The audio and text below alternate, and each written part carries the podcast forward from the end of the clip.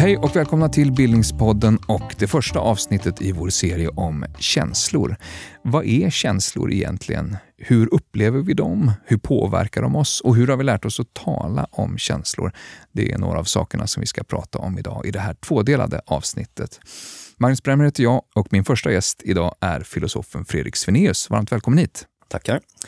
Du är verksam vid Södertörns högskola Ja, det stämmer bra det. har forskat om många olika saker, men nyss utkommit med en bok om, eh, om, om just känslor. Världen vaknar heter den. Mm. Man kan säga att det är känslorna ur ett filosofiskt perspektiv, men också om känslans plats i våra liv. Ja, precis. Det, det är en, jag är ju filosof, så jag, ja, min, min styrka är förhoppningsvis filosofiska perspektiv. Men Mm. jag försöker även sätta in det i olika kontexter som handlar om andra forskningstraditioner i andra ämnen kring känslor och också lite grann till historien kring känslor och så. Mm. Eh. Och du ska hjälpa oss att förstå vad, vad känslor är, både i en väldigt konkret bemärkelse och just i en filosofisk bemärkelse. Eh, Hur är din känsla just nu då? Nu, Mm. alltid när man sitter så här och ska spela in någonting så är man lite pirrig i magen. Liksom. Så är det alltid. Det ska, så ska det vara tror jag också. Man ska liksom vara vaken och alert. Mm, det så låter att bra. Det är okej. Men vi kör igång. Mm. I Bildningspodden brukar vi alltid be eh, gästerna börja med att definiera ämnet och förklara vad det är. Mm. Eh, Det här är ett ämne som jag tänker att många lyssnare har en väldigt direkt relation till. Men, men du får frågan i alla fall. Vad är känslor? Ja, men eh, då tror jag att det bästa är att börja i det mest liksom, basala och ursprungliga som rör känslor. Eh, då ska jag säga att känslor är eh, upplevelser, erfarenheter där vi liksom känner av eh, vår egen existens, vår egen kropp på olika sätt. Du frågade hur det kändes förut, jag sa att det pirrade i magen. Liksom, sådär. Det, det, jag tror det allra mest grundläggande med känslor är att de har den här kroppsliga eh, eh, liksom dimensionen av att vi är varse att vi existerar som kroppar. Och inte bara det som liksom finns innanför vårt skinn, utan eh, känslor handlar om känselsinnet kan man säga på det sättet. Alltså inte bara om huden, utan även de andra sinnena, om, om, om synen, och hörseln, lukten, smaken. Så att känslorna kommer också att liksom riktas mot och handla om saker och ting som omger oss. Så att eh, känslorna är på det sättet det som, som liksom ger oss en slags grundläggande motivation och angåendehet och som gör att vi intresserar oss för saker. Och på det mest basala planet så kan det ju vara såna saker som handlar om att vi är djur, att vi liksom är hungriga, törstiga, sex, överlevnad, såna där grejer. Det är där man hittar det mest grundläggande elementet i känslorna och det delar vi också med väldigt många andra djur. Det är inget unikt mänskligt. Så. Man talar ibland om grundkänslor, ett visst antal grundkänslor. Ja. Men de är lite olika många beroende på vem du frågar. Va? Ja, de brukar variera. Grund, man använder ofta ordet affekt, grundaffekter. Det är sån här forskningstradition inom psykologi och antropologi. Och den, den handlar väldigt mycket om att man var intresserad av att hitta eh, känslor som liksom var kulturöverskridande i den meningen att man kunde konstatera att de fanns i alla kända mänskliga kulturer och också kunde liksom kännas igen. Man var väldigt upptagen med det här med, med ansiktsuttryck. Men man brukar säga då, det är allt ifrån 6 till 10 ungefär. Eh, och det är alltså såna saker som glädje, sorg, rädsla, ilska, avsky och förvåning. Alltså det var sex, de finns alltid med. Sen brukar jag i alla fall lägga till eh, nyfikenhet, för det tycker jag är en väldigt viktig känsla. Inte minst för, för, för forskare som, som du och jag, men också för, för ja, mänskliga känslor i allmänhet. Eh, men sen skulle man också kunna argumentera för att åtminstone det här som handlar om smärta, illamående, äckel kanske också är såna här grundläggande affekter. Och en del vill också komma in på vissa grundläggande, som man brukar kalla för sociala känslor, sociala emotioner. Såna här saker som, som eh, kärlek, eh, skam, stolthet och sådär. Ver- Verkar också vara kulturöverskridande. Som har som är mer direkt med relationer till andra att göra.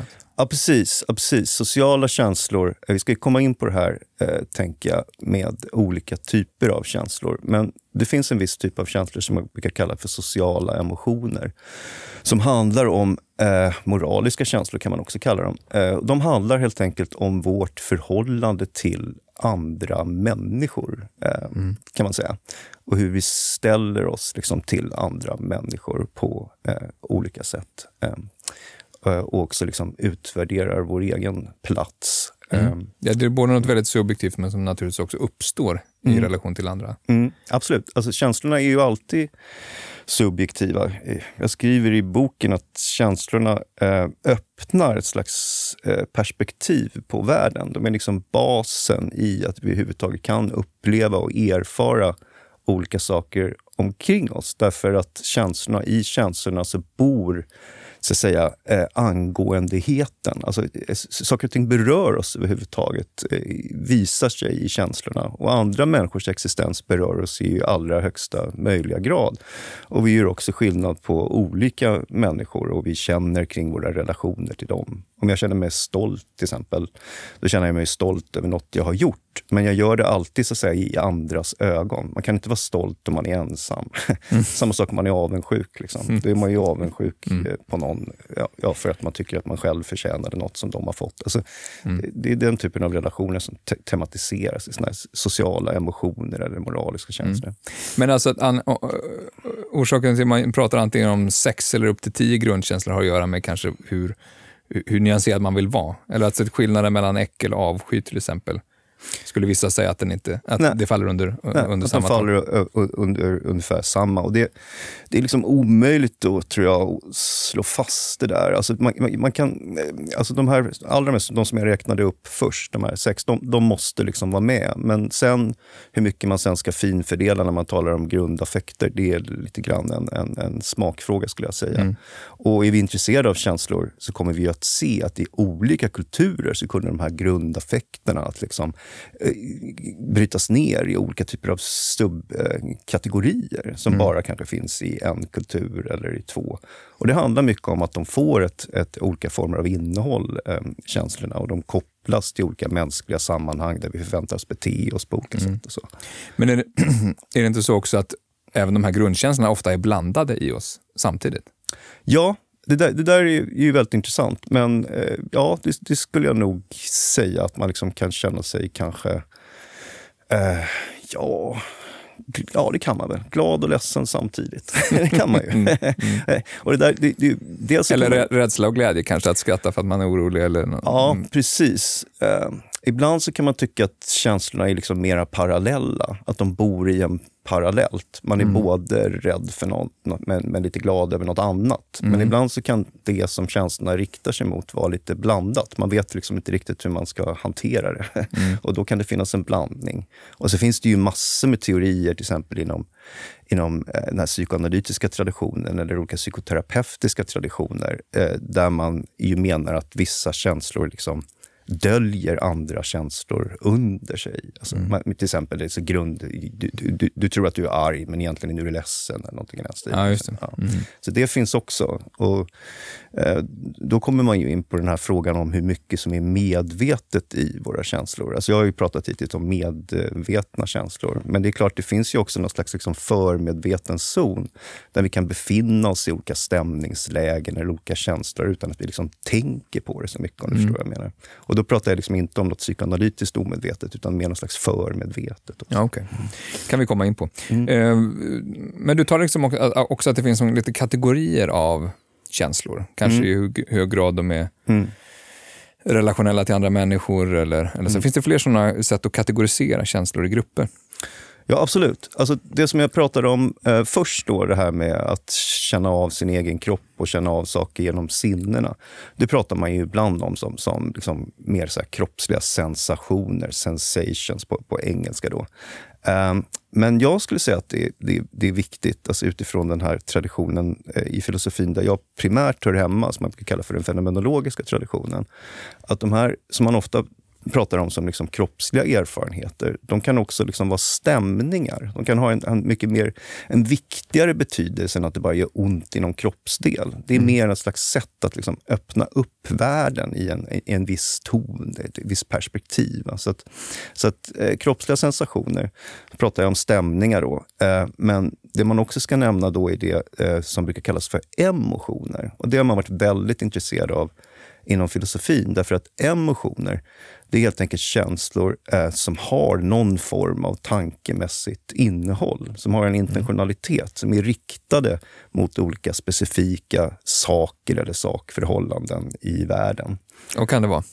Det kan vara, alltså jag skulle säga eh, att emotionerna det kan vara redan eh, mer liksom perceptuella känslor som till exempel att liksom bli rädd för en hund eller någonting i den stilen. Mm. Därför att den är då riktad mot något som jag liksom kategoriserar på ett visst sätt som en hund och som också betyder någonting på ett visst sätt för mig. Jag blir rädd, den är farlig och så vidare. Ja, just det. Det är skillnad på det och bli liksom biten av hunden utan att märka det. Det är mer en sensation. Absolut. Alltså, mm. Om jag plötsligt nu skulle börja känna en, en, en liksom oförklarlig smärta i mitt högra knä så skulle inte det vara samma sak som om det plötsligt skällde till utanför dörren. här. Liksom. Mm. Det, mm. I det andra fallet så skulle jag liksom rikta mig mot någonting som jag skulle höra som en hund som skäller. Alltså, mm. Speciellt om jag vore en sån person som är väldigt rädd för hundar. Det är lyckligtvis liksom... ganska lite hundar här på campus. Ja, ja, ja, ja jag hoppas det. Jag, jag vet inte. Det är inget fel på hundar, men man kan bli rädd för dem också. Ja. Andra kategorier då? Kanske fortsätt den utvecklingen från det, mm. det mer eh, mm. perceptuella, det som, sinnliga och, och det som börjar involvera tankar? Ja, alltså emotioner kan ju eh, vara känslor där det är uppenbart att, att det ryms ganska många olika sorters tankar. Jag pratade ju förut till exempel om att säga att jag skulle vara avundsjuk på dig för att du har en så bra podd eller någonting i den stilen. Ja, alltså, säg att jag, jag har en egen podd men den lyckas ingen vidare och så tycker jag att den är egentligen bättre än din och den borde lyckas. Alltså det är ju, typisk, det, det är ju typiska emotioner. Alltså mm. de, de, innehåller en massa föreställningar om hur det är i världen eh, och också hur det borde vara i världen ofta. då. Liksom. Så den, det, det, det, är typiska emotioner till skillnad från sensationer som vore mer där att man har ont i magen eller någonting mm. i den stilen. Eh, så att jag har nämnt att kroppsliga sensationer, eh, emotioner, stämningar var jag också inne på. Mm. Eh, och, och, alltså, stämningar betraktas på lite olika sätt i, inom känslornas filosofi. Men det här fenomenologiska perspektivet skulle jag säga att stämningen har en, har en oerhört viktig plats för att det är de som så att säga, öppnar upp världen som, som, som gör att vi kan vara i en värld i, i ett slags meningssammanhang överhuvudtaget och därmed också ha liksom emotioner och mer liksom partikulära saker i världen. Så, så stämningar är viktiga. Eh, eh, och ibland också brukar man använda det här ordet atmosfär eller atmosfärer när man mm. tänker att stämningar mer är kopplade till ja, till exempel ett rum som man sitter i mm. eller om man träder ut på ett fält och solen går upp. Alltså, ja, alltså stämningar som helt enkelt verkar finnas i rummet och som när man liksom, eh, rör sig i rummet och någon till exempel öppnade dörren här och kom in så skulle vederbörande kanske kunna känna av stämningen i rummet som en mm. viss atmosfär. Så att atmosfärer kan man också eh, eh, prata om. Men kan man liksom dra det längre mot, jag tänker när du pratar om känslor och relationer så öppnar man en till dimension om det finns också, man kan prata om moraliska känslor eller liksom just kanske till och med kollektiva mm. känslor. Ja, sociala, sociala emotioner är ju ofta eh, moraliska känslor. På det sättet att de, de, de handlar om hur det borde vara i världen på mm. olika sätt och vis. Om, om saker och ting är rättvist, till exempel. Det här med podden som jag var inne på förut. Mm. Liksom, mm. sådär. Det, det, det, är ju typiska liksom, moraliska mm. känslor. Sociala eh, emotioner. Men en annan, eh, kanske ytterligare då, om man går från, från kropp, emotion, stämning, eh, atmosfär. Att man kanske också skulle säga att eh, känslorna har en slags viktig koppling till vår personliga läggning. För det verkar vara som att vi, vi kanske lever i lite olika grundkänslor beroende mm. på vilka vi är. Och Det där är ju en väldigt lång tradition som går tillbaka ända till de gamla grekerna och det här pratet om melankoliker, och koleriker och sangviniker. Mm. Och idag är det olika personlighetstyper. Men alltså läggningen är ju i grunden en slags liksom, typisk, kan man säga, jag-känsla. Eh, och man kan ju aldrig naturligtvis veta hur det känns att vara någon annan, men man kan misstänka att det är ganska annorlunda och människor har, har trott mm. och tyckt det så länge det har funnits kulturer liksom, och, och också talat om det då i, mm. i termer av läggningar. Men så, tänker du också mm. sånt som att man är mer optimistiskt eller pessimistiskt lagd? Absolut, absolut. Mm. absolut. Det där är helt grundläggande därför att eh, den optimismens eh, stämningar liksom öppnar upp världen som en slags liksom, zon där man kan förvänta sig en massa saker och där man tror att bra saker ska hända. Medan, medan liksom, pessimisten eller kanske melankolikerns värld är mer en värld där man liksom tror att allt ska gå åt helvete och inte vågar tro på något och hoppas. Alltså det, det, blir, det blir väldigt viktiga skillnader skulle mm. jag säga, just på grund av det här grundläggande stämningsläget. Som liksom... Men är det, är det så känslor kan bli kollektiva, då, att man förenas med andra i sina olika grundstämningar? Eller kan de vara kollektiva på andra sätt? Ja, ja alltså sociala, alltså, alltså, när jag sa sociala emotioner förut, då pratade jag ju mer om känslor som en person kan känna, som handlar om andra människor. Mm. Men man kan ju också prata om kollektiva känslor, som då definieras som de känslor som vi liksom känner tillsammans. Det är inte mm. bara jag som känner känslan, utan vi känner känslan. Eh, och det finns ju hela tiden, skulle jag säga, i, i, i tillvaron. När man, när man gör olika saker så kan det vara så att man liksom delar känslor med andra människor. Mm. Det kan vara såna här väldigt grundläggande saker som att liksom, ja, du vet, dansa tillsammans på ett, på ett dansgolv eller någonting. Dansa mm. tillsammans. Alltså, mm. och det, då, då, är det väldigt mycket frågan om, om kroppsliga känslor. Men det kan ju också vara såna här olika koordinerade aktiviteter som, jag menar, vi gör ju den här podden nu tillsammans mm. faktiskt. Mm. Alltså, det, det, är ju, det är en delad erfarenhet vi nu har. Vara väldigt olika känslor. Ja, det, ja, ja, ja men, men, men, men vi delar ändå eh, vi delar liksom ändå aktiviteten som har ett, ett visst mål som vi liksom har enats om och som vi båda liksom jobbar eh, mot. Mm. Eh, så att, jag menar, kollektiva känslor är känslor där man, där man liksom delar på något sätt aktiviteten just genom mm. känslorna. Idrottsevenemang kanske ganska klassiskt. Ja, ja, ja, precis. I, I, boken har jag något sånt exempel med en, en fotbollsmatch eller någonting mm. i den stilen. Och då, det, är liksom, det är lite mer än att dansa, därför att där finns det också där finns det ju emotioner. Man hejar på, på samma lag och man reagerar tillsammans då om det ena laget gör mål eller mm. det andra. Och Man kan också ibland hävda att man i såna situationer liksom delar erfarenheten kanske med en massa människor som inte är där just då kroppsligt, men som tittar på matchen på tv. Eller någonting i den stilen. Mm, man mm. känner liksom för alla svenskar och man hejar på Sverige. Eller någonting i den stilen. Mm. Men om fortsätter den rörelsen då bortåt från kanske den isolerade individen och tänker Ibland, ibland säger vi ju sådär att vi lever i en väldigt känslosam tid eller vi kanske lever i en empatilös tid. Eller så. Är det så att också den tidsand eller en epok kan vara olika känslosam? Uh, ja, det kan det väl på det sättet att det är olika känslor som gäller. så att säga. Det är olika känslor som bör visas i uh, olika tider. Och man är också olika intresserade av olika känslor. Jag tycker att vissa känslor är fina och andra är fula. Liksom. Mm. På, på, det sättet så kan man säga att det är olika känslor i olika tidevarv. Mm. Men alla tidevarv, om man tror på det här med grundaffekter som vi pratade om innan, har ju de här allra mest grundläggande känslorna. Vi, vi är kulturvarelser och när de här känslorna kommer in i kulturen så handlar det ju väldigt mycket om vilka känslor vi visar för mm. varandra. Så att, att, olika känslor eller känslolägen kan, kan trenda olika, så att säga, olika ja, tider. Mm. Ja, ja, mm. absolut. Vä väldigt tydligt så, skulle jag mm. säga. Mm. också i olika historiska tidevarv.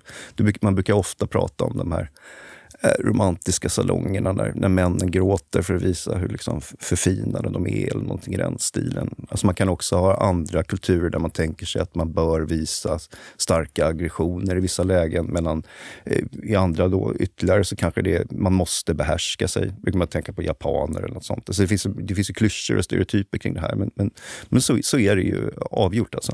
Eh, ja, det skulle jag säga. Det finns liksom en känslornas idéhistoria som ju en hel del historiker har varit inne på och skrivit om. Liksom. Mm. Som man kommer få ta del av i den här serien också kan jag säga. Mm. Ett sätt att, att definiera någonting också, försöka tänka motsatser. Jag tänker att känsla väldigt ofta ställs mot förnuft, mm. eller känslor mot tankar. Eh, men du, det märks redan att du lite grann ogillar den uppdelningen väl? Mm. Eh, varför, varför då? och varför tror du att uppdelningen har funnits? För den finns ju både, som jag tänker vi ska komma in på i, i, i stora delar av filosofihistorien, det är också någon form av, på någon common sense-nivå, förnuft och känsla och så vidare. Mm. Men jag tror inte, alltså, det handlar ju väldigt sällan om känslor eh, eller tankar. Alltså, jag skulle säga att tankar alltid förutsätter heter eh, känslor. Tankar är liksom stämda, de har en slags känslomässig rot. Och känslorna i sin tur, när de utvecklas till mer ja, om vi ska säga avancerade känslor kommer liksom att rymma olika former av tankar. Vi var inne på emotioner mm. förut. Jag skulle säga att det där finns redan i perceptionen, att vi har en slags begreppslig perception. Men när vi blir språkliga varelser, då, då kommer liksom verkligen eh, tankarna att komma in i känslorna på olika sätt. Och då kan vi känna just såna här dubbla känslor som vi pratade om tidigare, eller vi kan prata om känslor som liksom mejslar ut världen på en massa olika sätt. Mm. Uh, så att jag, jag, jag, är bara, jag, jag ogillar den här liksom, eh, skarpa uppdelningen. Att man skulle kunna tro att det, liksom, det som gäller är antingen känslor eller tankar. Känslor och tankar sitter liksom ihop. Och sen så är ju vi Homo sapiens, den visa människan. Så vi vill alltid liksom peka mer på, på tankarna eller förnuftet eller begreppet än känslorna. Men mm. vi är bara Homo sapiens för att vi från början var Homo sentiens, alltså för att vi var kännande varelser. Därför att mm. i känslorna finns liksom motivationen för tankarna. Det tror jag är otroligt viktigt. Alltså. Mm. Uh. Du tänker det, det är naivt från början att tänka att för, förnuftsmässighet skulle kunna vara helt avskild från våra känslor? Ja, och tittar man på där man brukar börja i västerlandet med de eh, gamla grekerna, liksom, Platon och sådär, så, så ser man snart att de tänkte inte så heller.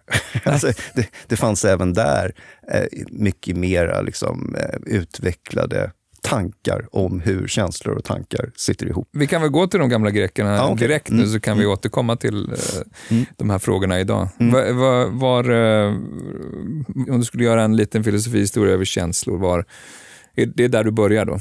Ja, jag tror att det första stället i den västerländska traditionen, det är liksom Platon. Sen finns ju eh, buddhismen, kinesisk filosofi, andra traditioner där man har liknande, eh, förmodligen, eh, på något sätt resonemang som inte jag kan speciellt bra, så jag ger mig inte in på dem. Men, men Platon har jag ju läst eh, rätt mycket. Mm. Vad eh, säger Platon om känslor? Många saker. Ja, det gör den ju. Det, det, det är ju en grekisk terminologi också. Det är alltid det knepiga det här med, med, med känslor, att de kallas lite olika saker. Men det som Platon eh, och där är han ju liksom tongivande. Det kommer liksom att sätta agendan för känslornas filosofi väldigt mycket. Eh, att hos Platon så finns en slags liksom misstro mot de känslor som binder oss allt för tydligt till kroppen. Det är det det handlar om. Det är sånt där som, som handlar om att man, man frossar och äter och det, det är sex och alla de grejerna. Liksom. Det, det, är de känslorna som, som Platon tänker sig att vi måste försöka tygla eller till och med göra oss av med. Eh, och han har ju också en slags, en slags dualistisk filosofi. Han tänker ju sig att det är själen som gäller. Kroppen är bara någon slags temporär plats som vi förhoppningsvis till slut med hjälp av filosofin kan ta ett slags slutgiltigt avstamp från. Mm. Liksom, eh, och gå upp i tankarna och tankevärlden, idévärlden. Du vet. så att, så att, eh, det, det, men, men ja, Sen finns det ju andra antika filosofier också, eh, som, blir, eh, som stoikerna till exempel, eller epikuréerna, de olika filosofiska skolorna. Och där finns ju, det, det, kan man ju liksom, det har, det har samtida eh, känslofilosofer, Marta Nussbaum är ett bra exempel där. Hon har ju visat eh, hur det där finns liksom, tankar om känslor som i väldigt hög grad också är, eh, är, är tankar, alltså, mm. alltså emotioner som vi pratade om eh, tidigare tidigare. Så där finns en lite mer, en lite mer förfinad eh, känslofilosofi. När de uttrycker eh, sina olika typer av moralfilosofier som handlar om eh, hur vi bör leva, eh, då tänker de sig också att det är vissa typer av, av tankar eller känslor som vi bör ha för att kunna leva på det sättet. Och då kommer man in på eh, förhållandet just mellan tankar och känslor. Mm. Ett naturligt steg är att gå till René Descartes mm. Eh, och rationalismen och den mm det är väl den mest kända uppdelningen mellan kropp och själ och mm. förnuft och, och känslor. Uh, alltså Descartes är ju, ja, vi, vi är på, på 1600-talet. Det är liksom, man brukar ju säga att Descartes är början på den moderna filosofin, liksom, moderna mm. subjektsfilosofin. Och han är ju också, precis som Platon, eh, dualist. Eh, så att han, han skiljer på, på själ och kropp. Eh, och även, nu har ni gjort ett program om Descartes som jag inte har lyssnat på. För att man brukar ofta från filosofiskt håll hävda att den här, liksom, det här är liksom en lite förenklad bild på Descartes. Mm. Och det stämmer jo, också. det framgår där. Ja, mm. precis. Exakt. Att han, att han ändå på något sätt liksom delar upp eh, människan i, i en själ och en kropp och menar att, precis som Platon kan man säga att det är i, i själen eller den, den tänkande substansen som han eh, kallar det för, som, som liksom den, den verkliga formen av, av mänsklig existens finns. Det här med, med, kroppen, det är liksom det som vi delar med djuren och som vi bör eh, ta avstånd från liksom, på mm. olika sätt. Och Descartes har ju det här eh, berömda eh, cogito ergo sum. Alltså jag, jag, tänker, jag tvivlar, alltså finns jag till. Han, han, han, Descartes mm, idé är ju att man genom ett slags radikalt tvivel kan komma fram till, till vissa sanningar som man inte, inte kan tvivla på. Då. Men alltså, redan här så kan man ju se att det där, det på sätt och vis är ju det helt fel, eh, skulle jag säga. Jag skulle säga att det, det är ju inte tankarna utan snarare känslorna som får oss helt övertygade om att vi eh, existerar. Mm. Alltså om någon filosof tvivlar på att han eller hon existerar så är ju lite kroppslig tortyr absolut mm. det, det, bästa. Så att säga. Liksom för, för Känna att, man lever. Ja, ja, ja. Mm. då vet man att man existerar. Mm. Och så, så känslorna är på det sättet Ja, de finns där, som, en, som jag sa tidigare, det är en slags grundläggande existenskänslor och de gör oss också vissa om vår egen existens. Det är liksom inte, inte tänkandet som, som, som gör det på samma sätt, skulle jag säga. Descartes mm. omprövar väl också sina tankar och senare i hans liv, så att säga, blir mer intresserad av själen och emotioner och sånt där. Men, mm. men, och har väl också tolkats under de här äh, seklerna som har gått sedan han skrev de saker han skrev. Men mm. finns det andra nedslag seklerna som har följt fram till vår tid som du tycker är viktiga, liksom, kanske intressanta att, att lyfta upp? Ja, eh, ja alltså, Descartes som sagt, då, det, det, där var liksom den förenklade bilden. Sen finns mm. det en annan också. Eh, men man kan göra flera nedslag. Eh, nu är, alltså, boken som vi började samtalet i, den här Världen vaknar, den är inte primärt skriven på det sättet utifrån filosofins historia. Men om man ska liksom lyfta fram några som ändå kanske alla kan enas om är viktiga så skulle det ju vara sådana som Spinoza till exempel. Eh, den här idén om konatus, någon slags grundläggande liksom, livskraft. Där finns ju känslan med.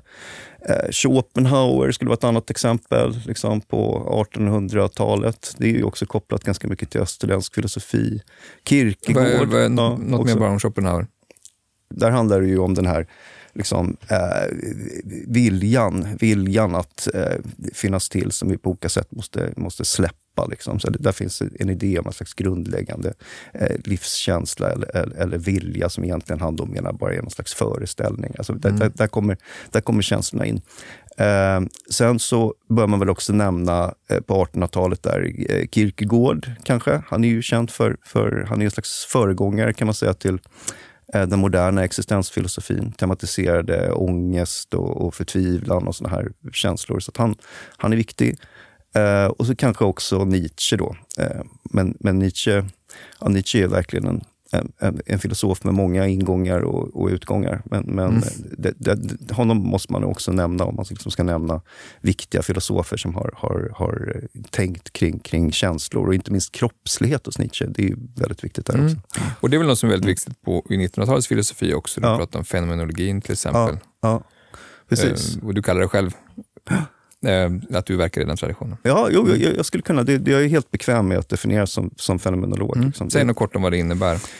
Ja, fenomenologin eh, den utvecklades ju då precis i början av 1900-talet. De allra mest kända namnen är eh, Husserl, Edmund Husserl, som man brukar liksom betrakta som den första fenomenologen. Eh, sen är det sådana som, som Martin Heidegger, Maurice Merleau-Ponty, Jean-Paul Sartre, eh, Simone de Beauvoir, kanske Hanna Arendt. Det finns många andra också, men för att nämna de allra mest liksom, kända namnen. Eh, och eh, alltså, Fenomenologin skulle man kunna säga, insisterar på att när vi filosoferar så måste vi liksom ta första persons perspektivet på allvar. Vi måste liksom stiga in i erfarenheten, den, den, den, subjektiva erfarenheten och utforska vår plats utifrån den. Inom mycket annan form av filosofi anlägger man ofta en slags tredjepersonsperspektiv, alltså ett slags utifrån perspektiv skulle man kunna säga. Man mm. tänker sig att man kan få en slags objektivitet genom att betrakta saker och ting utifrån. Men, men fenomenologen skulle liksom lyfta fram perspektivet, den, den vardagliga levda erfarenheten som den plats där man liksom bör börja eh, filosofera. Mm. Och då kommer också eh, känsla ganska snart att, att, att visa sig. Eh, på det sättet så passar fenomenologin väldigt bra, tycker jag, för att, för att eh, studera känslor och känslornas filosofi. Mm. Mm. Men kan man ändå säga så ur ett så filosofihistoriskt perspektiv att det är rationalitet och förnuft som ändå huvudsakligen får definiera vad som är mänskligt?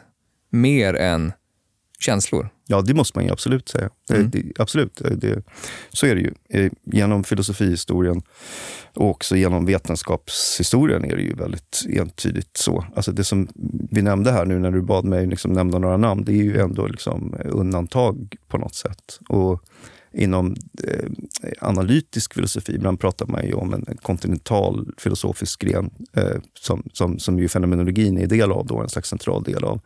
Eh, och i, i, kontrast till den då analytisk filosofi som är en, en, en, en eh, filosofigren kan man säga som börjar eh, i slutet av 1800-talet, början av 1900-talet ungefär som, som, som, som fenomenologin då. Men där, I, där språk... Anglosaxisk tradition. Ja, men, men, men där språk, logik, vetenskapsteori, den typen av liksom perspektiv är grundläggande. Eh, och där, där tar det ju mycket längre tid innan man blir intresserad på allvar av känslor. Alltså det händer ju först fram på kanske, ja det finns alltid föregångare, men, men en intensiv diskussion inom analytisk filosofi om känslor, den kommer först igång på 1970-1980-talet. Mm. eller någonting sånt. Mm. Men, men, men, men den har verkligen kommit igång. Alltså, också där finns det ju ett, ett väldigt stort intresse för känslor idag. Mm. Eh, och det finns ett slags, det finns ett slags brett genomslag från 1970 och 80-talet och framåt som inte bara handlar om filosofi utan som också handlar om, om hjärnforskning till exempel. Alltså där höll man inte på med känslor så mycket tidigare. Det var liksom inte eh, vedertaget eller, eller, eller respekterat. Men, men där, där har det också blivit ett väldigt stort eh, ämne. Så man skulle kunna kalla det kanske, eller prata nästan om någon slags affektiv vändning. Att man har blivit mer och mer intresserad av känslor inom olika discipliner. Mm. Men är det inte också mycket, jag tänker i det västerländska självbilden på något sätt om förnuftsmässighet, rationalitet eh, som ligger i, i, i, i också hur man ser på, på, på sin värld som, som handlar mycket om att låta känslor slå tillbaka och låta förnuftet liksom träda fram. Som, som också präglar mycket hur vi ser på oss själva som liksom upplysta individer som, som kloka medborgare eller vad man nu vill. Jo, jo. Jag menar, det, det, finns väl ingen som... Jag skulle i alla fall inte liksom föreslå att vi ska börja känna mer istället för att tänka. eller något mm. stilen. Det tror jag inte några känslofilosofer skulle göra. Eh, det man försöker göra utifrån det här hållet där jag kommer då är att på något sätt peka på att även när vi tänker och är förnuftiga så finns känslan alltid med i botten. så att säga. Vi, vi kan inte bli förnuftiga, rationella varelser om vi inte... Eller, ja, vi är inte förnuftiga eller rationella varelser utan känslor. Vi, vi är det just för att eh, vi känner. Tankarna är någon slags liksom, vidare eh, utveckling av, av känslorna på väldigt många olika sätt. Mm. Men vi har varit väldigt upptagna med att, eh, tror jag, också liksom förneka eh, känslornas eh, viktighet och plats. Velat liksom eh, hålla, hålla, eh, liksom identifiera dem mer med vår kropp kroppsliga existens. Det, det, är ju en lång tradition, som jag sa förut, som liksom börjar med Platon. Och där har man ju också man, man har velat ta avstamp från alla de andra djuren. Vi är det liksom förnuftiga djuret, inga andra djur tänker och sådär. Det gör de ju naturligtvis inte precis samma sätt som vi, men, men jag menar, det, det är ändå så man har velat dela upp det. Och man har ju också länge delat upp mänskligheten i män och kvinnor, där kvinnorna har varit de känslomässiga och männen de förnuftiga. Så man, man har liksom försökt kategorisera och, och skilja känslan och förnuftet, eller känslan och tanken åt på det sättet. Men jag skulle säga att det låter sig inte göras. Och jag pratade ju tidigare om det här med att det finns en, en, en slags affektiv vändning i många eh, vetenskaper, inte minst de som sysslar med den mänskliga hjärnan. Och där har man ju lyckats visa på ett rätt övertygande sätt att det som vi identifierar med tänkande, alltså kognitiv verksamhet, det som föregår i, i, i, i hjärnbarken och i de liksom mer främre och, och loberna, så att säga. Det förutsätter mycket aktivitet i andra centra av hjärnan som kopplas till känslor. De hänger mm. ihop liksom, mm. i samma kretsar. Och slår man ut att... känslokretsarna så kan inte de här tänkkretsarna fungera. De, eller de fungerar väldigt dåligt. Så. Jag tänker det, mycket det du säger handlar om en, en, att, bättre, att, att bättre se balansen mellan, mellan tankar och, och uh, känslor i alla olika delar av vår tillvaro. Mm. Uh, men är det så att det finns sfärer där uh, vi inte bara ska försöka hålla tillbaka känslor lite grann, utan där känslor inte hör hemma överhuvudtaget. Alltså jag tänker institutioner vi skapar, juridiken eller eh, vetenskapen eller kanske till och med politiken. Eller så. Mm. Eh, jag tror att vi, vi kan liksom inte eh, tänka utan att känna. Utan det det handlar om eh, det är liksom att inte sluta tänka eh, när vi känner. Och eh, om man ska ta upp de här tre sammanhangen som du var inne på nu, då, juridik, politik eh, och vetenskap. Där tror jag att det är viktigt att på något sätt framhäva att det här handlar om eh, hur vi tänker och känner, eller känner och tänker tillsammans i grupper. Vi var ju inne förut på, på sociala eh, känslor, alltså när, när, vi, när vi känner saker tillsammans. Eh, och det kan vi ju göra eh, också eh, när vi tänker, eller vi gör det. Alltså, vetenskapen, juridiken, politiken är ju socialt liksom, organiserade eh, verksamheter. Eh, problemet idag när vi pratar om eh, mycket starka känslor eller att vi slutar tänka inom, inom politik och sådär. Det är ju snarare att vi i vissa lägen odlar eh, väldigt starka grupper gruppkänslor som vi får svårt att kontrollera. Och också gruppkänslor där vi liksom ställer en ingrupp mot en, en, en, en utgrupp. Eh, mm. Alltså I politiken är det väldigt eh, tydligt. Så när man i politiken pratar om att man borde känna mindre eller visa mindre känslor och, och tänka mer. Eh, då tror jag ofta det handlar om den här typen av liksom, gruppkänslor som, som mm. på olika sätt eh, löper amok med oss. Så det är den typen av känslor, vissa typer av gruppkänslor där det blir viktigare att identifiera sig med en viss grupp eh, än att liksom, ja, tänka någonting eller tänka rätt. När, när, när, det blir viktigare än innehållet i uppfattningen eller tankarna. Det är liksom den typen av, av risker som finns med känslor mm. i, i de här sammanhangen. Men även sånt som jag tänker om man tänker gå tillbaka till upplysningsidéer om, om liksom människors lika värde och, och, och, som ofta då kopplas till förnuftet. Menar du att det egentligen också i väldigt hög grad handlar om känslan? Av, av, att, att, att, att den tanken också hänger ihop med en, en känsla? Ja, ja alltså, det knepigare... En moralisk känsla? Ja, absolut. För det knepigare exemplet att visa är kanske det här med vetenskapen. Alltså, det tycks ju för många vara en, en liksom, någon slags känslolös eh, verksamhet eftersom den ska, ska odla en viss typ av objektivitet. Men jag skulle, jag skulle mena då att en, en, en slags liksom, eh, nyfikenhetsgruppskänsla till exempel är väldigt viktig för vetenskapen också. Mm. Men när det gäller upplysningens eh, mer moraliska dimension, det här med, med, med jämlikhet, eh, frihet och såna här saker. Alltså, de tankarna är väl i högsta grad kopplade till känslor. Jag tycker de känns ju i hela kroppen när man mm. tänker dem. Mm.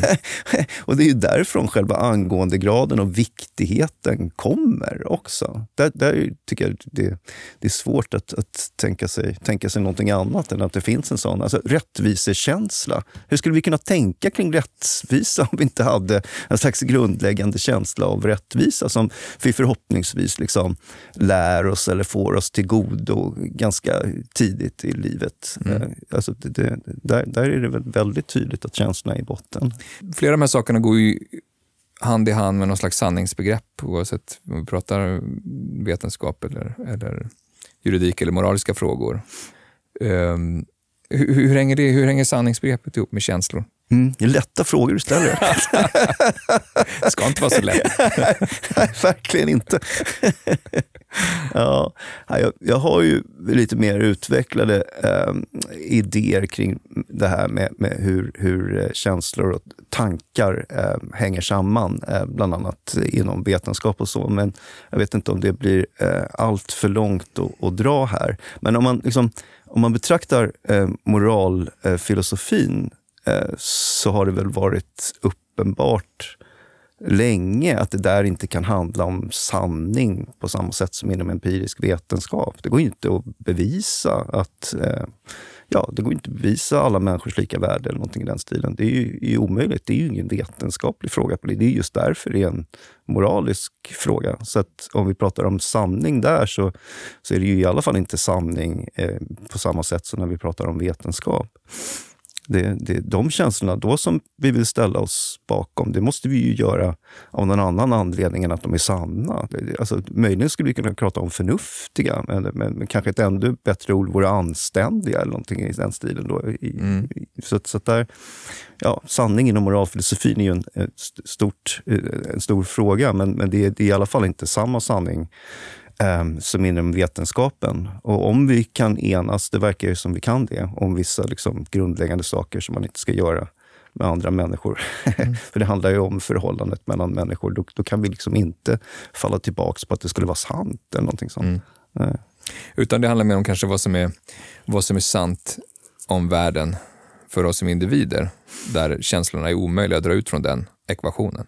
Ja, men känslorna är ju inte bara det som liksom gör oss till individer. Känslorna är också det som gör att vi delar saker redan från början. Alltså mm. jag, jag, tycker det där är ganska viktigt. Man, man tittar på hur ett litet barn så småningom blir medvetet om sin egen existens, så är det en slags känslomässig process där man först är tillsammans med andra människor, mamma, pappa, vad det nu kan vara, i världen på ett slags oreflekterat sätt. Och, och, och genom de här känslorna så småningom liksom upptäcker sig själv som en egen eh, individ. Mm. Så att eh, på det sättet sitter vi liksom ihop genom känslorna redan från början. Vi, vi, vi, eh, vi sitter mer ihop med, via känslorna kanske än vilka tankar vi tänker.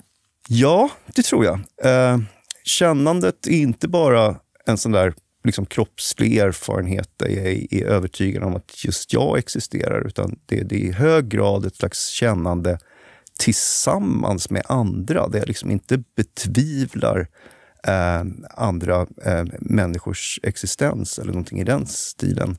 Tänkandet däremot är någonting... Eh, alltså jag skriver ju det i, i boken när jag pratar om kännande och tänkande. Att tänkandet är på sätt och vis ett sätt att liksom på något sätt ta ett steg eller ett språng eller ett hopp ut från det här liksom konkreta sammanhanget där jag befinner mig. Och där jag på något sätt också kan vara ganska ensam. Mm, man pratar ju mm. kanske om att dagdrömma ibland eller fundera eller någonting på det sättet. Alltså en människa kan stå på gatan och man ser att de inte är där för att de tänker. Mm. och, och, i det tänkandet kan man ju vara ensam. Det är klart man tänker i ett språk och språket förutsätter alltid ett slags delat sammanhang. Det är inte så att man betvivlar att andra människor finns eller så. Men man kan ändå vara ensam i sitt tänkande på ett annat sätt än man kanske kan vara i sitt kännande. Men ja, man, man kan vara ensam i sitt kännande. Mm, nej, men vi, jag förstår att du ja. Men ja. skulle du säga att det har, eh, har, vi, har vi blivit sämre på att hantera känslor i vårt samhälle idag? Du som har en blick för hur man har talat om känslor i historien. Ja, det är svårt att svara på. Alltså man, man, vi sitter ju väldigt mycket, man sitter alltid väldigt mycket fast i sin egen tid. Men jag vet inte jag, om jag har känslan av att vi pratar för lite om känslor. Jag tycker vi pratar ganska mycket om känslor mm, på, mm. på, olika sätt i, i olika sammanhang. Ibland kanske, ibland kanske för mycket. så, så att, eh, Men äh, prata om är samma sak som att liksom verkligen försöka förstå? Nej, nej, nej, nej precis. precis.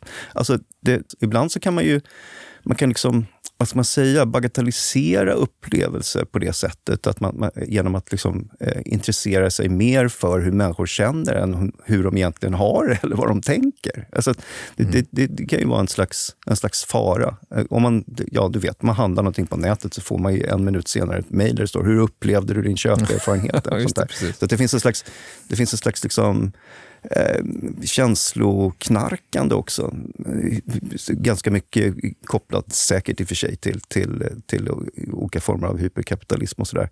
Eh, men, Samtidigt som det kan vara också så här, mm. socialt inte särskilt accepterat att ta frågan hur mår du på, på, på för stort allvar och börja svara hur det verkligen ja, känns. Ja, det där är ju väldigt olika tror jag i olika kulturer. Men i de flesta kulturer så gäller väl det där att den som frågar hur man mår är ju inte intresserad av att veta hur man mår. Det är ju en hälsningsfras liksom, på något sätt. Utan då måste man säga på något annat sätt. Man måste säga, hur mår du egentligen? Eller någonting i den stilen. Man måste liksom mm.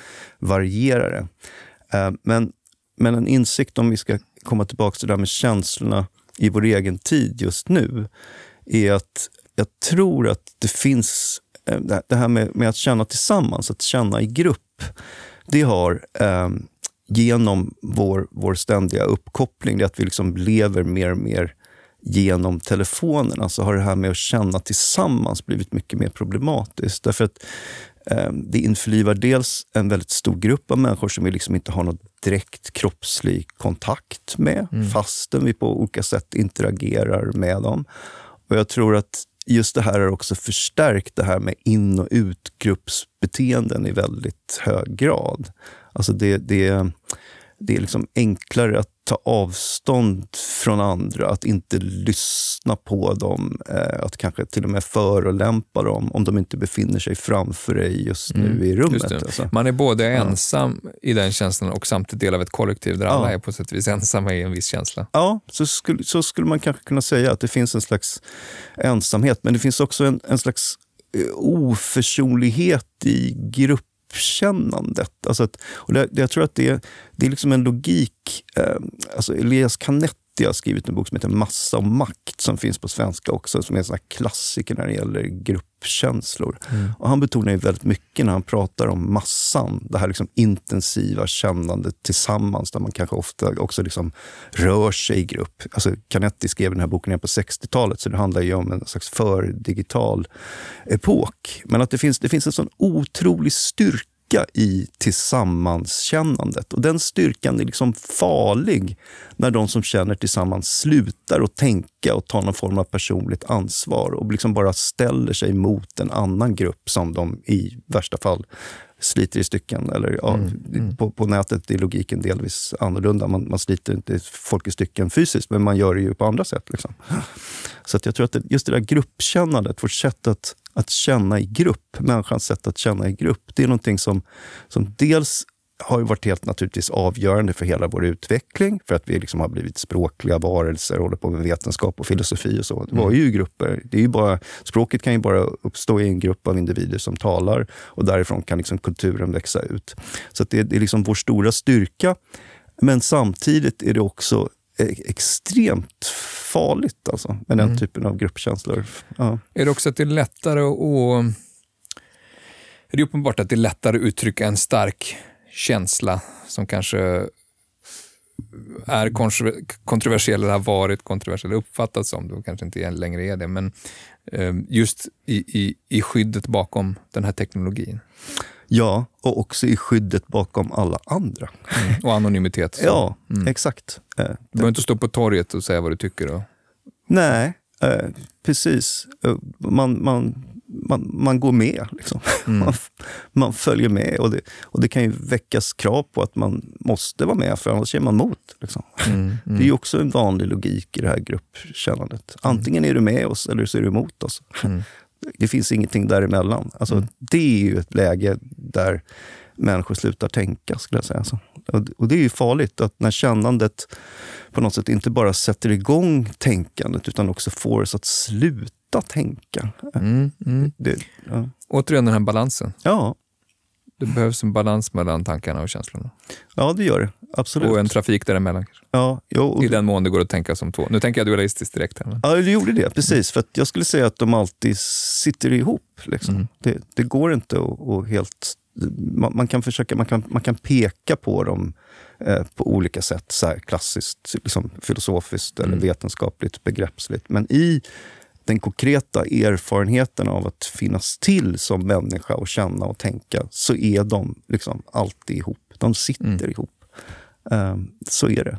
Också formulerandet av tankar kan ju faktiskt ibland också väcker, ibland, väldigt ofta, väcka känslor. Alltså dels när man hör någonting som en annan människa har formulerat, men också när man helt plötsligt förstår något. Alltså den här aha-upplevelsen, det är en väldigt stark känsla. Och jag tror det är en känsla som, när man, som du och jag, när man arbetar på ett universitet och är forskare, det är på något sätt den, den allra mest fantastiska känslan som finns. När man plötsligt liksom förstår hur någonting hänger samman. Det, det, är, en, det är en enormt stark känsla. Som man, det är klart att det här att gå omkring och vara nyfiken på saker och liksom inte få ihop det, det är också en väldigt viktig känsla i ett forskarliv. Men just det där när bitarna faller på plats plats. Det är ju helt fantastiskt. Alltså. Och det är ju en känsla, det är inte bara en tanke. Nej. Apropå um, vår tids teknologier och den här frågan som vi var inne på tidigare om hur människan har uh, i högre grad definierats utifrån förnuft, uh, att det förnuftiga djuret och så vidare, snarare än känslor, så pratar vi väldigt mycket om AI idag. Mm. Uh, och en extrem form av teknologi som, som tar allt mer liksom, människoliknande ideal. Artificiell intelligens, det hörs ju bara på namnet. Mm. Att det kommer förändra vårt sätt att se på vad det är att vara människa och där vi kanske i ännu högre grad definierar det mänskliga utifrån det som inte är ren intelligens, förnuft, utan Aha, snarare känslomässighet. Du tänker så? Ja, jo, så kan man kanske tänka. Alltså jag, eh, eh, alltså artificiell intelligens, extre, det är extremt mycket fokus på det idag. Eh, och Det finns många som går omkring och, och oroar sig för att den artificiella intelligensen plötsligt ska börja känna olika saker. Och till exempel känna att den är överlägsen oss människor, och att den börjar göra sig av med oss. Eller något sånt. Det där tror jag det, det, det, det, stämmer inte överhuvudtaget. Och det har lite grann att göra med det här grundläggande perspektivet som jag började med. Att eh, Kännandet är i botten en slags liksom, kroppslig upplevelse av att existera i en värld. I, i vårt fall som, som, som, som ett djur. Mm. och AI, alltså eh, datorer, är inte djur. De, det, det, är en form av teknologi som vi som människor har utvecklat eh, genom vårt kännande tänkande och också genom hantverksskicklighet. Och det är ju början på människans så att säga, existens som kulturvarelse. Det är ju att vi konstruerar olika former av teknologier som är en slags förlängning av människan. Och AI är ett bra exempel på det. Det är liksom ännu en teknologi som kommer att förändra vår mänskliga eh, existens på olika sätt. Men den stora risken är inte att, att AI liksom kommer att bli en egen varelse. Det är snarare att vi kommer att kunna använda artificiell intelligens för att liksom förändra eh, det mänskliga livet på ett sätt som kan bli väldigt destruktivt för oss. Alltså allt utifrån sådana här existentiella risker som har att göra med eh, spridandet av desinformation. Att det blir omöjligt att veta vad som har hänt eller vad som är sant. Eh, mm. Eller olika övervakningssystem. Jag, jag, jag menar inte alls att att AI inte skulle kunna förändra den mänskliga existensen till det sämre. Det kan, det kan den säkert göra, men, men den gör det därför att människor använder den på ett visst sätt. Och kanske finns det också en annan, och då kanske jag kan komma tillbaka till det du sa förut, att jag tror att det finns en risk att vi, när vi har fått fram mer och mer kraftfulla datorer, alltså algoritmapparater, så kommer vi i ökad utsträckning att betrakta oss själva som algoritmapparater istället för som liksom kännande, mm. kroppsliga mm. Eh, varelser. Och det tror jag är en risk, inte minst därför att jag tror att det i grunden är intressant. Vi, vi är inte algoritmapparater. Våra hjärnor är inte någon slags liksom, datorer. Det, mm. det är inte så det är. Uh, men uh, ja, det gör det ju också betydligt fattigare att existera. Därför att om vi är algoritmapparater, då verkar verkligen känslan inte ha någon plats alls. Det blir bara någonting som, som är besvärligt eller som vi borde göra oss av med, med för att bli mer rationella. Så jag tänker att diskussionen som vi har om AI just mm. nu, som rör naturligtvis väldigt många olika saker, mm. är snarare ett, ett, ett, hot mot de här registren som vi har pratat om den här timmen. Eh, snarare än att den synliggör den mänskliga känslan. Ja, den synliggör den mänskliga känslan på det sättet att jag skulle säga att ett klarsynt sätt att betrakta AI eh, eh, blottlägger att, att eh, AI liksom aldrig kommer att känna någonting. Alltså det kännandet är det unika för det mänskliga, eller det djurliga skulle jag kanske säga. För det är inte bara människor, men, men det är därifrån känslan eh, kommer. Och eftersom den är absolut central för vår egen existens så är det också den som fyller våra mänskliga liv med mening. Alltså en, en, en AI känner ingenting, eh, har ingen mening, meningsfull existens på det sättet. Så det är klart att om vi låter kontrasten träda fram kanske det kan leda till att vi liksom värdesätter sätter de här känslomässiga aspekterna av den mänskliga existensen mer. Men risken är ju naturligtvis att vi snarare betraktar den här AI redan nu som en slags överordnad form av existens och därför tänker att i den mån vi inte är som dator, datorer eller artificiella intelligenser. I den mån vi inte är det så är vi liksom inte tillräckligt mänskliga. Då, då blir det ju bakvänt. Liksom. Mm. Förstår du vad jag menar? Jag förstår. Mm. Ja, framtiden får utvisa vad vi landar med AI och känslor. Men jag tackar dig, Fredrik Svenaeus, för att du ville komma hit och prata om känslor i Bildningspodden. Mm. Tack, det var trevligt. Ja, det är en sak vad känslor är och hur vi uppfattar dem och hur de påverkar oss. En annan sak är hur vi uttrycker känslor och hur vi talar om känslor. Med mig på länk från Uppsala universitet finns idéhistorikern Linnea Tillema. Varmt välkommen hit. Tack. Eh, du är verksam vid Uppsala universitet och har eh, forskat eh, i gränslandet mellan känslor och politik kan man säga. Ja. Du skrev en avhandling om pedagogiseringen av känslolivet på 70-talet i Sverige. Det stämmer tänker att du ska få chans att få säga lite mer om vad det innebar. Det här med att uttrycka känslor och kanske också tala om känslor är något som kan framstå som tidlöst, alltså något som människor alltid har gjort och haft förmåga att göra. Men i din forskning så, så, så framstår det här fenomenet i väldigt hög grad som något både historiskt specifikt och eh, politiskt.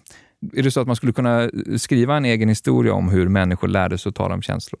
Ja, det tror jag absolut. Eh, jag tror att det finns flera historier att berätta om detta och förstås så är också det här någonting som skiljer sig åt både mellan kulturer men också liksom beroende på vilken historisk eh, epok man tittar på. Alltså hur människor har kommunicerat sina känslor eh, och också hur de har upplevt känslor.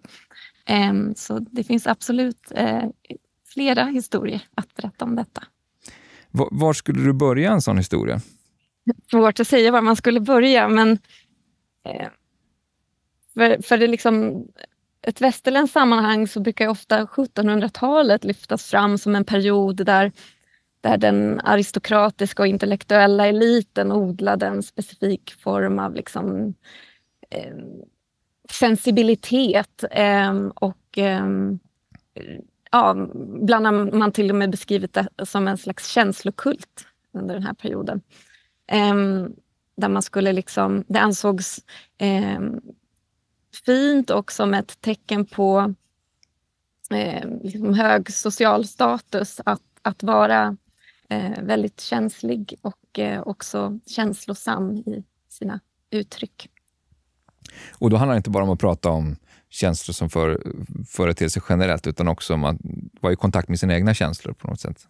Ja, fast samtidigt var det ju väldigt... Eh, idéhistorikern Karin Johannisson har ju bland annat eh, lyft fram att även om det fanns då ett ideal av att man skulle vara väldigt eh, känslig och, och, och, känslosam så, så var det samtidigt eh, en viktig balansgång. Det handlade liksom inte om att man skulle uttrycka alla slags känslor utan framförallt eh, skulle man liksom demonstrera en förmåga att, att liksom vara i kontakt med och eh, kunna visa upp liksom ädlare känslor som medkänsla eller inlevelse och den typen av, av känslor. Så att det var ju samtidigt eh, att, att, eh, att prata fritt om alla sina eh, privata mm. problem mm. och, och, så. Det var liksom inte det som eftersträvades. Nej, det, det var ligger mer i vår samtidigt tid. väldigt reglerat liksom, vilken typ av känslor man skulle kunna eh, vara i kontakt med och uttrycka.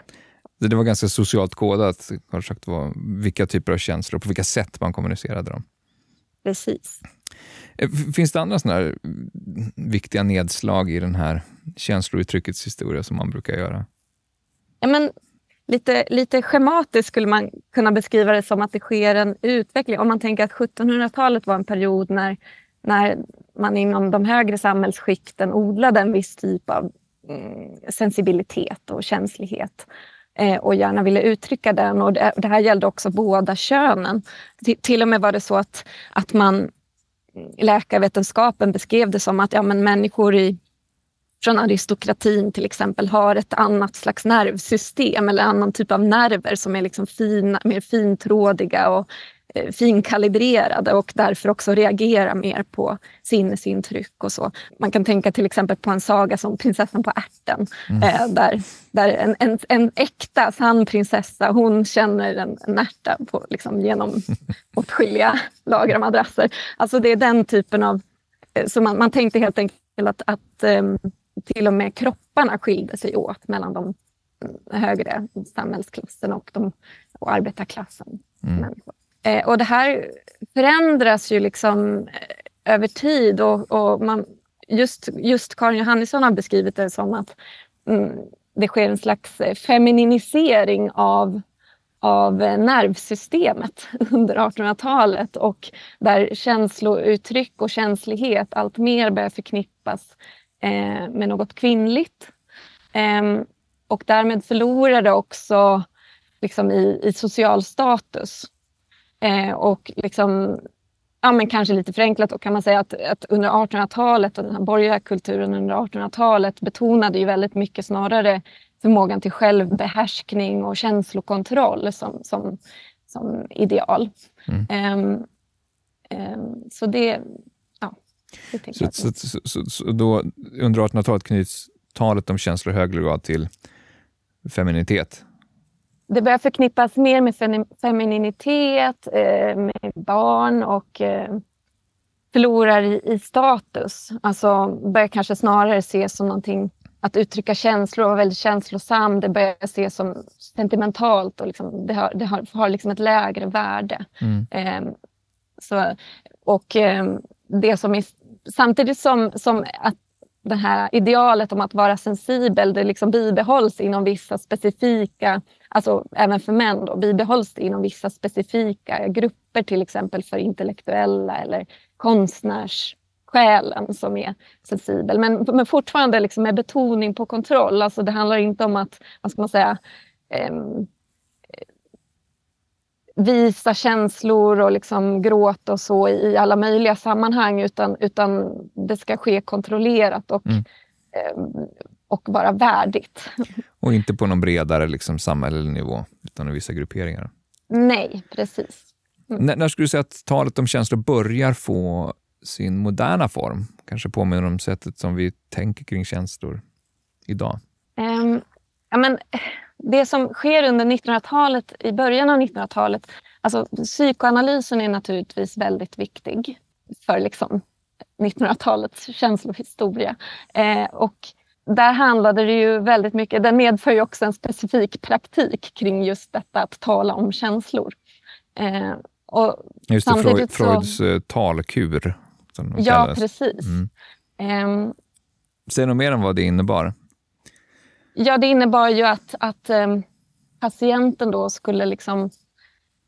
Det, det, det här, klichébilden av, av, av psykoanalys är ju att patienten ligger på en divan och um, på ett avslappnat sätt pratar, associerar fritt om, om sitt inre. Um, sina tankar, känslor, drömmar, associationer. Och med hjälp av psykoanalytiken eh, ska patienten då ledas till insikt om mm. sina neurosers uppkomst. Ja, sitt undermedvetna. Alltså. Ja, sitt undermedvetna. Precis. En viktig sak med psykoanalysen var just att man, man tillskrev det här talet om känslor en, en terapeutisk funktion och det var ju liksom hela syftet med det.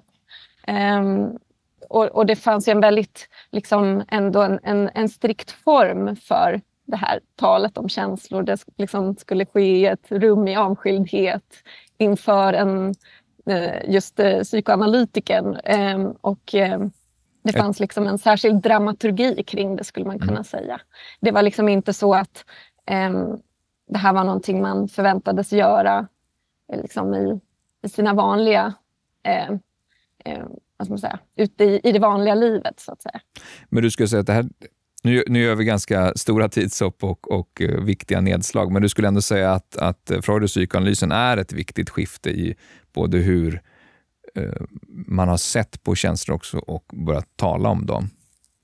Ja, alltså jag tänker framförallt receptionen av uh, psykoanalytiska teorier och så. Alltså jag tänker att det kanske där redan från 10-20-talet och framåt så, så började ju de här psykoanalytiska teorierna plockas upp i liksom, eh, avantgardistiska kretsar eh, och integrerades i en form av liksom, kulturkritik. Eh, där Ja, de fick genomslag på det sättet i kulturen också? Jag, jag tänker att det är mycket så som, som det här psykoanalytiska tankestoffet mm. har fått ett genomslag, mer, ett bredare genomslag genom mm. att det har liksom plockats upp av politiska sociala rörelser under 1900-talet. Och 1968-rörelsen är ju också ett exempel på det när man började till exempel cirkulera nyutgåvor av Wilhelm Reich och sådana andra psykoanalytiska eh, teoretiker. Så att, eh, det som hände i de här sociala rörelserna var ju mycket att man, man liksom tog delar av psykoanalysen och liksom integrerade dem i en, i en samhällsanalys. Och till exempel den här idén om att den borgerliga kulturen som har liksom sina strikta regler för känslouttryck och känslor och sexualitet och sexuella begär, att det skapar liksom en, en neurotisk människa som är i behov av frigörelse. Mm. Och eh, den här individuella frigörelsen kopplas ihop också med eh, idéer om samhällelig, samhällelig transformation. Mm. Vi kan hoppa fram till den till den tiden som, som ju ligger dig närmst, eh, 60-70-talen, där du har pratat om just pedagogiseringen av känslolivet. Kan du kort bara försöka förklara vad, vad det innebar? Ja, med, med pedagogisering så, så syftar jag liksom på att hur, hur um, talet om känslor eller hur vi uttrycker känslor, hur det liksom allt mer börjar inlämnas i en pedagogisk eh, diskurs eh, under 1970-talet som, som betonar det här som en slags färdighet man kan träna upp och lära sig som individ. Mm. Eh, genom, att, genom ett aktivt arbete med, med sig själv. Alltså genom att till exempel gå kurser eller eh, delta i eh, seminarier, workshops, självhjälpsprogram och den typen av aktiviteter för att liksom utveckla det här som en specifik förmåga. Så det får att bryta den här borgerliga eh, pansarkostymen som människor har burit på, där man inte har, man har hållit alla känslor inne och inte haft förmåga att kommunicera dem mellan varandra. Och så. Alltså det är väldigt mycket så det beskrevs under 70-talet och samtidigt är det viktigt att någonting som jag har lyft fram ganska mycket i, i min avhandling är också att det är inte bara en, en del, det här är inte bara en del av en, en liksom motkultur. Eh, det är liksom inte bara 68ornas projekt, mm. eh, utan den här äh, kulturkritiken som, som det här inbegriper. Alltså för man, det är ofta så här man beskriver det som att ja, men, vi har ju lärt oss att inte uttrycka känslor, i synnerhet män då, har, har fått lära sig att det är fult att gråta, man ska inte visa sig känslig och sårbar. Eh, och nu måste vi lära om. Um, så det, det finns liksom en, en, kulturkritik inbyggd i det här. Mm. Samtidigt så var det här ett projekt som engagerade eh, väldigt många olika typer av aktörer och, och var absolut inte eh, bara knutet till liksom, alternativrörelsen eller liksom mansrörelsen eller så. Utan Nej, det är lätt det... att tänka vänsterrörelse, korrektiv, mjukismän och så vidare. Men det, det, här var ett, det här var ett större samhälleligt projekt om att, om att Eh, utveckla sättet vi talar om känslor, menar du? Ja, alltså den här idén om att man kan bli autentisk, man ska lära sig att vara sig själv. Eh, jag tänker att det är en, det är en del av ett, ett liksom, eh, en, mer, en mer bredare efterkrigstida uppgörelse med, med auktoriteter och... Eh... Autentisk, är det ett ord som, som man använde då? Eh, man använde ordet autentisk delvis, men man fram, pratade framför allt väldigt mycket om att man måste eh, visa sina äkta känslor, sitt sanna jag, kasta av sig maskerna. Alltså, man använde väldigt mycket metaforer, men de är mm. Alla på olika sätt kopplade till en idé om att det finns en autentisk kärna som kan liksom avtäckas. Känslorna är uttrycket för det här autentiska hos människan. Det finns liksom en tanke om att känslorna eller de sexuella begären är hämmade, liksom nedtryckta eh, och det krävs ett aktivt arbete med självet för att liksom frigöra dem och mm. maximera dem och få dem att liksom blomma ut. Eh, ja, för inom vilka områden var det man ansåg att man skulle bli så här autentisk? Man kan tänka sig en massa olika sammanhang där, eh, där man förväntas Absolut, börja visa det, sina känslor. Det är liksom det, det händer väldigt mycket på det här området i, i Sverige under 70-talet. Alltså bland annat så sker det ju en, en ganska rik import av, av um, olika nya eh, nya psykoterapier. Alltså, och det sker en slags översättning av mycket många, många nya terapiformer som man kanske framförallt förknippar med, med den amerikanska västkusten under den här perioden och Esalen-institutet och sådana mm. eh, sammanhang eh, liksom lyfts in i den svenska kontexten. Eh, och här kallar man de här nya terapierna för, för de nya känsloterapierna. Om man pratade om det som eller, eller de, de känslo, känsloförlösande terapier. Och, mm. och det som de här terapierna ofta hade gemensamt var just att de byggde på det här det, det terapeutiska. De byggde på ett antagande om, om, om liksom det terapeutiska värdet av att leva ut sina känslor i, i, i här och nu-situationen. Och eh, samtidigt så är det egentligen inte just de Ehm, de terapiformerna som jag har tittat på i avhandlingen utan jag, var, utan jag har tittat på hur liknande tekniker som i och för sig då inte, inte lanserades som terapier för man, tvärtom tog man avstånd från det terapeutiska eh, och presenterade dem som pedagogiska metoder. Eh, och, och, men, men de hade ofta en, en liknande de byggde ofta på liknande liksom, tekniker och liknande idéer om vad människan, hur människan fungerar, vad hon behöver och så vidare. Mm. Men, men då har jag tittat på det här i eh, dels eh, genom att studera en ny typ av eh, chefsutvecklingskurser som introducerades mm. i, i det svenska arbetslivet. Det kallades för sensitivitetsträning. Mm.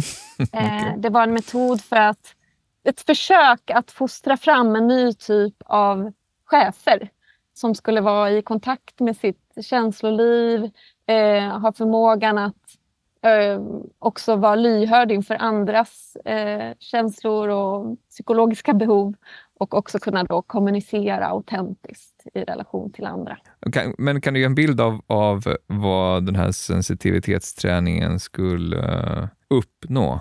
Eh, vilken typ av chef vill man skapa? Nej, men det handlar om att skapa en, en, en, en chef eller en individ som både vara lyhörd för sina egna behov men också för andras känslomässiga behov. Det här, eh, och, och även som har liksom, gen, eh, genom den här insikten om de egna känslorna och behoven så skulle man också bli mer kapabel att stå upp för sin egen övertygelse. och så. så det här, ofta beskrevs de här typen av kurserna som en eh, Alltså de som var kritiska till dem det var en typ av kurser som fick mycket kritik, eh, inte minst från eh, olika vänstergrupper som menade att amen, det här är liksom bara eh, arbetsgivarnas försök att manipulera sina mm. underställda genom att liksom ge cheferna så här, psykologiska tekniker som de kan liksom använda mot sina underställda. Mm. Eh, men medan de som då förespråkade den här typen av utbildningar lyfte snarare fram det som, eh, som någonting som skulle liksom eh, motverka sånt som hjärntvätt eller indoktrinering och mm. annat som man eh, var, var rädd för under den här perioden. Så att, eh, det skulle liksom göra individen Individen skulle liksom genom en sån här kurs framstå som tydligare inför sig själv och, eh, och också därmed också bli ett mer kompetent demokratiskt subjekt. Ja, för annars tänker man kanske framförallt på, på liksom familjerelationer och kanske föräldrarollen men också parrelationen och så. När det gäller de här frågorna. Ja, men just därför har jag tyckt att det är ganska intressant. Jag har ju tittat på de delarna också, alltså till exempel hur, hur, ehm, hur man introducerade kurser i föräldraträning som skulle liksom... Det fanns en ny, kom en ny typ av kurser i, i Sverige i mitten av 70-talet som lanserades väldigt brett, eh, bland annat genom studieförbunden. Eh, studieförbundet Vuxenskolan. Där man också arbetade väldigt mycket med liksom praktiska övningar, rollspel och så. Och, och syftet var att föräldrarna skulle liksom också här då lära sig att komma i kontakt med sina egna känslor, eh, lära sig att uttrycka dem i form av så kallade jag-budskap i relation till barnen. Eh, men också lära sig att lyssna på sina barn och liksom få dem att uttrycka sina eh, behov och tankar och känslor. Eh, så att, ehm, och det, här, det här beskrevs som ett väldigt viktigt steg för att liksom Alltså att lära ut de här färdigheterna till föräldrar beskrevs som väldigt viktigt för att liksom familjen skulle kunna fungera som en demokratisk enhet. Och man menar att det här är liksom helt avgörande för att göra upp med en, en mer auktoritär föräldraroll där man försöker liksom styra barnen genom belöningar och bestraffningar och få dem att göra som man vill. Eh, så det, det, finns en liksom tanke här om att de här emotionella och relationella kompetenserna är helt avgörande för, för en, att demokratisera familjen och i förlängningen också skapa demokratiskt kompetenta eh, samhällsmedborgare. Mm. Men är det det här som kallas för aktivt föräldraskap? De kurserna kallas för mm. aktivt föräldraskap. Var de liksom riktade till, till båda föräldrarna? Eh, absolut. De formulerade sig alltid könsneutralt i, sina, ja, i kursmaterial och, och sådär. Eh, och samtidigt så lyftes det ofta fram som ett problem att det främst var mammor som gick de här kurserna. Eh, det var någonting som lyftes i medier och sådär. Men, men jag skulle säga att målet var att nå fram till både mammor och pappor. För Anders sa också, menar, föräldraförsäkringen och pappaledigheten var en världsnyhet i Sverige i början av 70-talet. Var det så att man aktivt eh, i andra sammanhang riktade sig till just män, bo, bo, både som fäder men också kanske i, ja, i relationer och så? Jag skulle säga att det är en väldigt vanlig problembeskrivning under, under 70-talet. man, man beskriver ofta män som kan man se i medier och sådär. Man beskriver ofta män som liksom, att de genom sin uppfostran har blivit känslomässigt handikappade, och vilket skapar en massa problem eh, både för dem själva och eh, partners och familjemedlemmar. Så att, eh, jag skulle säga att det är en ganska så mer generell problembeskrivning vid den här tiden som ju då också resulterar i mm, den typen av initiativ som ja, men mansgrupper och, och, och liknande. Mm. Um, och jag tänker att en, en anledning till att också, om man tar de här chefskurserna, de här kurserna i sensitivitetsträning um, som framförallt riktade sig till personer med ledningsuppdrag i arbetslivet. Um, de fick ju väldigt mycket uppmärksamhet och jag tror ju verkligen att det spelade ganska stor roll att, att det var främst manliga chefer som deltog i de här kurserna. Att det liksom bidrog väldigt mycket till en slags ja, till, till, till, till med, medieuppmärksamheten eh, kring det här fenomenet. Men du menar att alla de här sakerna hänger ihop på 70-talet, alltså synen på, på föräldraskap, eh, synen på den lyssnande chefen, men också, du skriver också om relationer och, och hur man talar om, om, om, relationer och sex och så. Att det, det är del av någon slags känslorevolution på 70-talet. Jag vet inte om jag skulle beskriva det som en, en känslorevolution men det, det, finns ju en, en eh, väldig upptagenhet vid just den här den autentiska frigjorda människan. Där den här förmågan att vara autentisk tillskrivs ett värde liksom, på flera plan. Och, och jag tänker att det är liksom också delvis parallella processer som pågår som också då delvis förstärker varandra och liksom samtidigt som de också kan dra åt olika håll. Så jag tänker att ett viktigt spår i det här är ju att känslomänniskan eller den autentiska människan börjar liksom beskrivas som en, en resurs i en, en ny, ny ekonomi. Och jag tänker att de här sakerna delvis också hänger ihop. Alltså en för, förändringar inom demokratin där det pågår väldigt mycket försök och där, där förmågan att vara autentisk, vara i kontakt med sitt känsloliv, kunna kommunicera sina eh, känslor och känslomässiga behov liksom öppet. Eh, det börjar också beskrivas som en demokratisk eh, kompetens som är liksom, avgörande att ha mm. För att man ska kunna fungera i liksom, olika i, i en demokratisk sammanslutning. Mm. Och, och den, den, kan vara, det kan liksom handla om på arbetsplatsen eller inom familjen eller, ja, eller i samhället mer generellt. Du talar i din forskning om e- emotionella medborgare och om emotionell demokrati, alltså som inte bara handlar om individuella relationer utan någonting man i stort sett på statlig nivå tar in. Jag har ett exempel på som tydliggör hur, alltså hur man tar det här i beaktande vid politiska beslut och så, att människor fungerar på, på emotionella sätt. Alltså jag tänker att en, någonting som sker också, som också pågår under 1970-talet, något som mitt nya forskningsprojekt handlar om, som ett projekt som jag kallar just för den, den emotionella medborgaren. Där tittar jag på hur man börjar eh, försöka integrera eh, och ta i beaktande liksom, individens subjektiva upplevelse av sin situation. Exempelvis i, i välfärdsforskning, eh, liksom i, i försöken att liksom utvärdera eh, välfärden och eh, det svenska samhället under 1970-talet.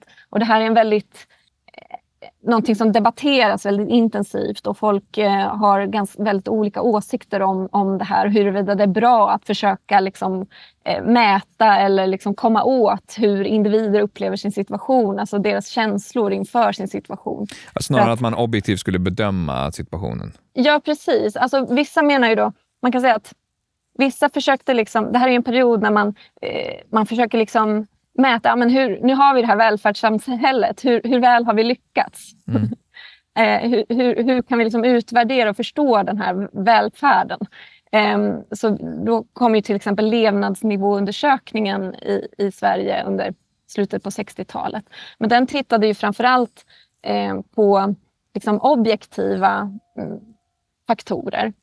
Eh, och, och kanske liksom delvis som ett svar på det, men också på...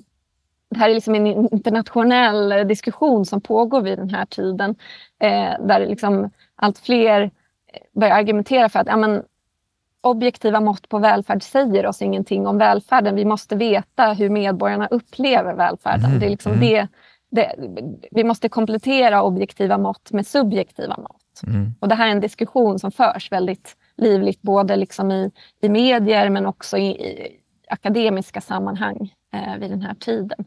Eh, och och eh, frågan, är, här, frågan för dem är ju liksom då, hur, hur ska vi göra det här? Går det att göra? Är det, är det, är det ens bra att göra det? Säger det här oss någonting om, om välfärden på riktigt? Apropå ja. att eh, historisera känslouttryck, då, är det här, skulle du säga att det här är något som utmärker den här tiden i väldigt hög grad, 60 och 70-talen? Eller är det liksom ett skifte som vi fortfarande, fortfarande är en del av? Så att säga, hur hög grad påverkade den här förändrade synen under den tiden hur vi, eh, hur vi upplever de här sakerna idag? Jag tänker att det här fokuset på individens upplevelser är verkligen någonting som har etablerats i, i liksom och som är etablerat i vårt samhälle. Alltså att det här är någonting som är viktigt att eh, liksom försöka få mer kunskap om, att studera, att liksom utvärdera på olika sätt. Eh, så jag tänker att det absolut finns med oss idag. Det får bli eh, sista orden för idag. Tusen tack Linnea Tilleman för att du ville vara med i Bildningspodden. Stort tack. Och tack också ni som har lyssnat. Vi är tillbaka om en vecka med andra avsnittet i den här serien. Då ska det handla om glädje.